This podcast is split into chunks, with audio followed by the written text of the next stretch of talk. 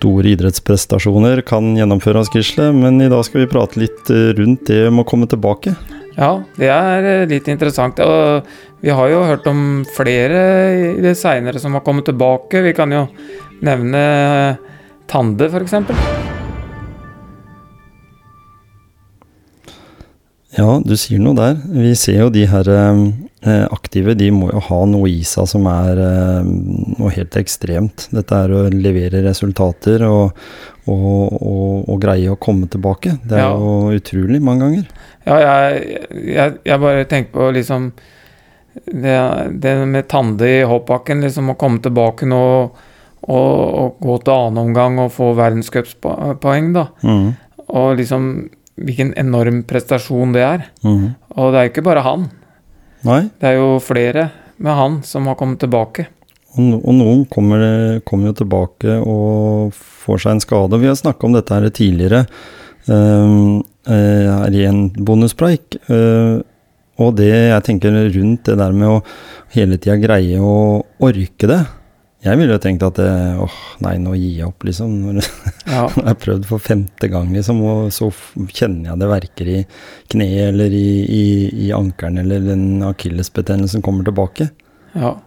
Så det må jo være noen indre drømmer, eller det å få tilbake Ja, altså Da er det jo noe som driver av, og har drevet deg fra før av også, når du klarer å komme så bra tilbake etter mer eller mindre store skader, da, Mhm. og hendelser. Men kan vi, kan vi si det til folket der ute, av den menige mann, hvis en kan kalle det det, at eh, det er aldri for seint å prøve hvis du har noe trøbbel? Bare det å legge om litt på trening, f.eks.? Ja, jeg tenker kanskje Altså, du må jo på en måte Du kan jo overføre til det til kanskje mange som har vært vekk fra fysisk aktivitet lenge, da. Og det å, å skynde seg langsomt, det syns jeg er et veldig bra begrep, da. Mm. At man Og det tror jeg Hvis vi Hvis vi ser på de som har eh, kommet tilbake etter eh, skader, sykdom, ja, mange forskjellige ting, så tror jeg det er å skynde seg langsomt, og så ikke starte der de var når de blei skada eller syke. Mm. Og det gjelder jo for en, en vanlig mann i gata eller dame i gata som, som trente for noen år siden og var aktive, og, og liksom starte Starte der de slapp, det, det er kanskje ikke det aller lureste, tenker jeg. Nei. Skru av den klokka. Eh, ikke vær så opptatt av den tida som var. Ja, altså ikke måle seg med Ikke bare sin gamle jeg, men og ikke måle seg med, med alle andre til enhver tid, da. Mm. At man, man må faktisk erkjenne at eh, det tar tid å bygge seg opp. Og heldigvis for det, for ellers hadde ikke jeg giddet å trent i det hele tatt. Ja, hvis Nei. det var så enkelt at det var bare å tenke, tenke seg til det. Du skulle ha de samme prestasjonene som når du var 2-23. Ja, det går ikke, det. altså. Og, og, og jeg syns det er vanskelig Jeg synes det er veldig vanskelig å erkjenne at, uh, at jeg har blitt eldre. Jeg må innrømme, jeg kikker litt på de gamle resultatene, Mhm. Og så må jeg ta meg litt i nakken, da. Det er ikke så lett eh, nå, da, men å ta, ta seg i nakken. Når, når hestehalen er borte. Ja, ikke sant. Det bare, men så da må jeg finne på andre metoder å ta, ta rev i seila. Men, men jeg tenker jo at du må jo ha vel så mye motivasjon, kanskje mer motivasjon i det, det, du, det planleggingsløpet når du, når du på en måte skal legge opp strategien for trening, da, enn det det var når det var 2-23, for da kunne du på en måte Det var lett å sette i gang trening, oppvarminga gikk jo på en annen måte. Ja, ja. Alt eh, blir jo litt annerledes. Ja, og så kanskje motivasjonen dreier litt etter hvert, da.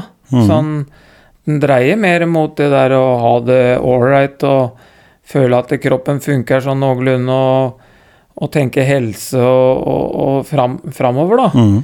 Og det kan jo hende at eh, en som har vært skada og vil tilbake i, i f.eks. i langrennsløypa, da, at man kanskje tenker Det er ikke så farlig om jeg når helt til toppen, men jeg skal ha glede av det jeg driver med. Mhm. For det er, det er det her jeg liker. Ja. Det er jo også et spørsmål, liksom. Og det har jo vi tenkt å følge opp det nå i neste motivasjonspreik. Mm, allerede på fredag. Allerede på fredag. Og da tar vi for oss det med motivasjonen ved det å komme tilbake i toppidrett, vi vil kalle det. For det er jo toppidrett vi snakker om her. Mm. Og så tenker jeg og så lurer jeg litt på det å Forskjellen på å være på et landslag og stå utafor et landslag, om det har påvirka motivasjonen også. Mm. Vi får eh, besøk av eh, Kari Øyre Slind, som skal eh, fortelle litt om hennes eh, motivasjon til å komme tilbake igjen etter eh, faktisk et eh, dobbelt beinbrudd. Mm. etter et fall fra klatt, en klatru...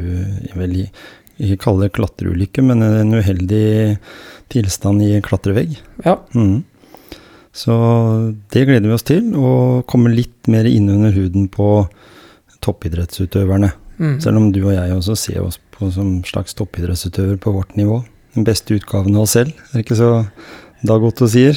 Ja, ja. Og så, altså, kan du si Jeg tenker liksom på topp Toppidrett, det er det ypperste, da. Mm. Men eh, jeg tenker, hvis du snur litt på det, da, så Hvis du er veldig glad i idrett, mm. så er det også topp idrett. Egentlig.